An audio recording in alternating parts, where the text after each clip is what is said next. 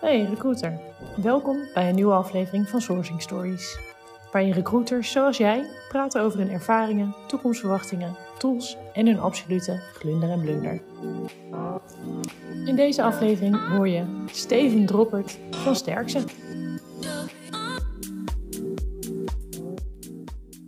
En wat vind jij ehm, over het algemeen het leukste aan het vak?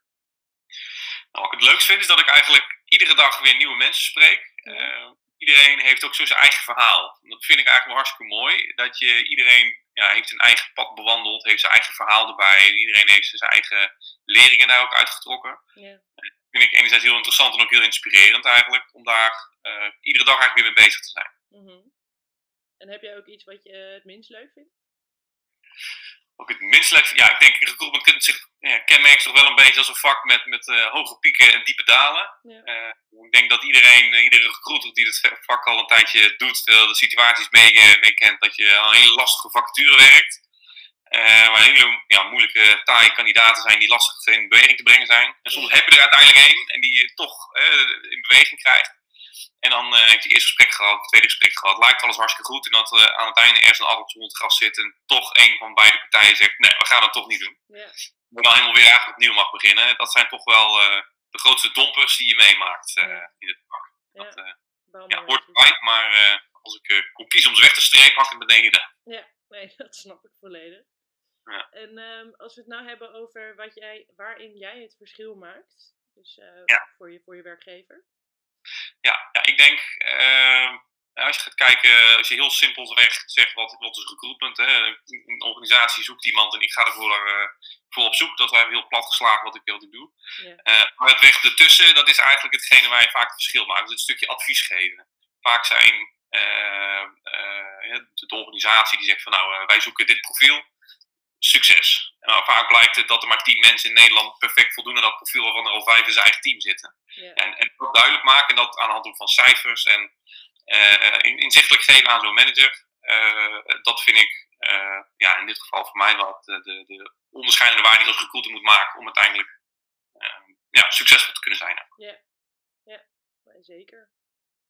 Um, en hoe denk jij als je corona eventjes loslaat? Ja. Um, wat niet erg mogelijk is, maar probeer het maar eventjes.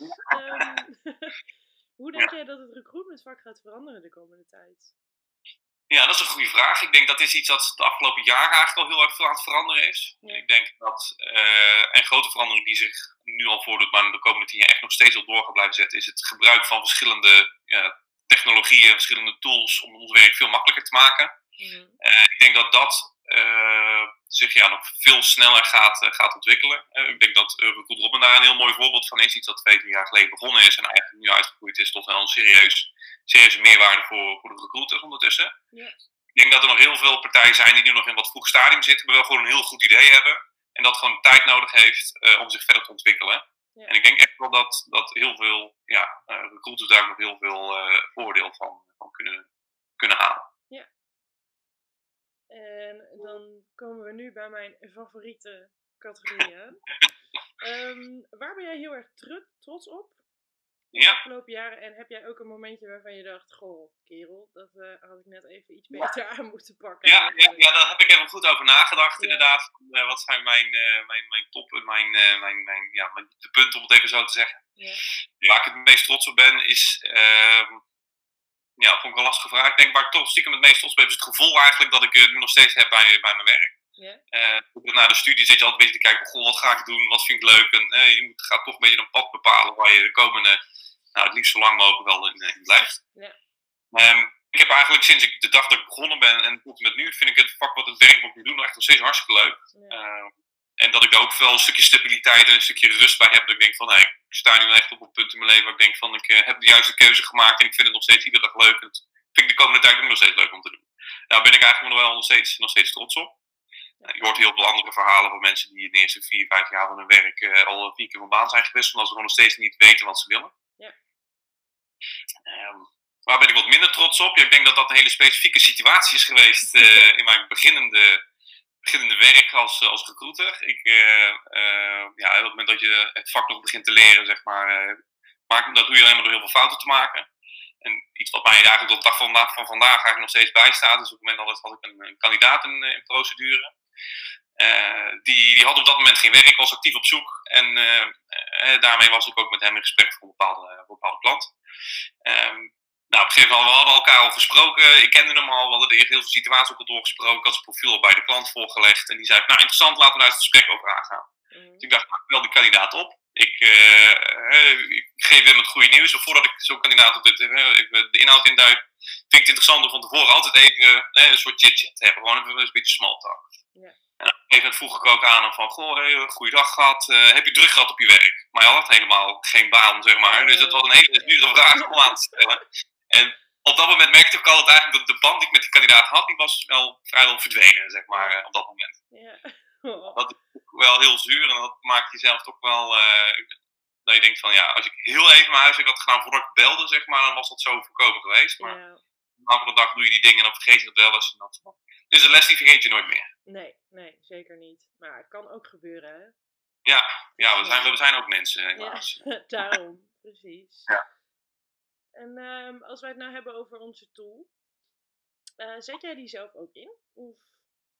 Ja, ik gebruik dat uh, wekelijks eigenlijk, uh, meerdere keren per week. Het is, ja. het is ja ideaal. We zijn, wat dat betreft, de platform waarbij je ja, ik hou van efficiëntie. Je kan in het werk als recruiter ook heel veel dingen doen die totaal geen waarde toevoegen. Dus je moet toch blijven denken van wat ga ik nou doen, wat voegt nou waarde toe. Ja. En, ik kan honderdduizend bronnen afgaan één voor één. Of ik kan ze eigenlijk via recruiter maar allemaal tegelijkertijd raadplegen. En dat merk ik dat het weg gewoon heel veel efficiëntie uh, oplevert. Ja, nou dat is fijn.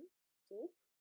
En heb jij um, via onze tool ook al um, plaatsingen gerealiseerd of gesprekken gehad met kandidaten? Ja, zeker. zeker. Ja, wij gebruiken het al een tijdje. Ik denk, ik, ik heb even te graven hoe lang gebruiken wij het nou. We zijn al 2 juni 2019 volgens mij zijn we er al mee bezig. Ja.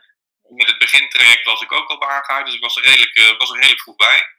En van toen tot en met nu heb ik even in ons systeem gedoken. Hebben wij ondertussen nu zes, zeven man heb ik daar ook al, die ik via jullie platform gevonden, ook al aan een baan geholpen. Dus dat heeft echt wel, uh, flink, uh, flink resultaat geleverd. Ja, nou nice. Ja.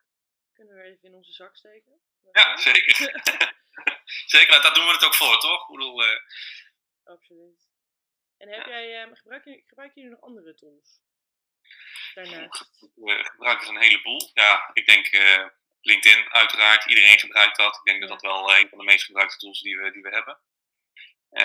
wij gebruiken, ja, afhankelijk van de soort opdracht die je hebt, kan je een heleboel eigenlijk inzetten. Ja. Een aantal tools die wij voornamelijk gebruiken, die eh, vaak als bij iemand nieuw start, die we eigenlijk meteen al die tools op zijn laptop zetten, dat zijn, uh, dat zijn er toch wel een aantal. Eentje die ik bijvoorbeeld zelf heel, heel prettig vind, zeker voor als beginnende IT-recruiter, dan is bijvoorbeeld Glossary Tag is dat een hele fijne. Die scant waar een profiel van een kandidaat en die highlight alle technische termen en geeft je een korte toelichting van wat het eigenlijk inhoudt. Soms als je iemand profiel leest, dan lijkt het net Chinees wat er staat. Ja. Ehm, ik ben zelf altijd iemand die, uh, ook al zei, van efficiëntie houdt. Dus vaak dan heb je toch wel snel dat je wat dezelfde berichten stuurt. Mm -hmm. Je hebt een auto text expander bijvoorbeeld, is heel prettig dat je meteen geautomatiseerd en uh, met een, kort, ja, een korte shortcut als daar meteen een heel bericht uh, tevoorschijn tovert. Yeah. Die kan je natuurlijk wel even wat tweaken zodat het de juiste bericht is voor de juiste persoon. Maar dat helpt vaak wel, in, inhoud vaak van zo'n uh, zoiets toch vaak wel wel hetzelfde. Yeah.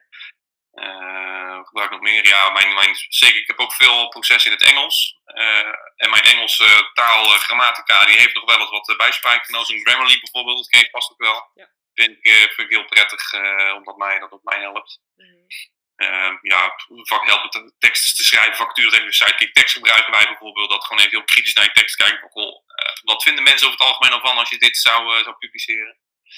Uh, ja, zo heb je er eigenlijk in de dagelijkse dag heb je zo ongelooflijk veel tools die, uh, die je kan helpen. Uh, dit is nog even het tipje van de ijsberg, zeg maar. Ja, enorm veel. Wauw. Ja. En qua, qua ATS-systeem, wat gebruiken jullie daarvoor? Wij gebruiken Carerix, gebruiken wij daarvoor. Oké. Okay. Je kan ongeveer met alles kan dat wel integreren. Dat, heeft, dat is ook een doel geweest om te zeggen van nou, uh, we kunnen van alles zelf een oplossing maken, maar ook die merken dat er in de wereld van recruit ongelooflijk veel partijen zijn die zelf ook een hele goede oplossing hebben. En hun doel is dan om daar makkelijk mee te kunnen integreren om zo efficiënt mogelijk uh, te werk te kunnen gaan. Yeah. Dat werkt tot nu toe eigenlijk hartstikke prettig. Nou, top. En uh, Carerix heeft dus ook een integratie met Recruit Robin, weet ik. Hoe werkt dat ja. op het algemeen voor jullie? ja, dat is eigenlijk is dat precies zoals je het zou willen. op het moment dat jij dus in de tool zeg maar, een kandidaat goedkeurt, komt hij direct bij mij in de pipeline terecht. Ja. Ehm, ja, vaak heb je dan ook contactgegevens of, of weet je in ieder geval te vinden welke kanaal die zich bekend heeft gemaakt. Uh, en kan je hem ook meteen benaderen en ik kan meteen ons ATS-systeem kunnen uh, alle fases bijhouden om de kandidaat te processen en alle aantekeningen op te slaan van het gesprek die we met hem hebben gehad. Ja. dus ja, ik, ik, heb, ik heb nergens nul dubbelwerk hoeven doen daarvoor. Nou, fijn. Prettig. Ja. Co-automatisering. Ja, ja, ja dat is, daar ben ik groot fan van.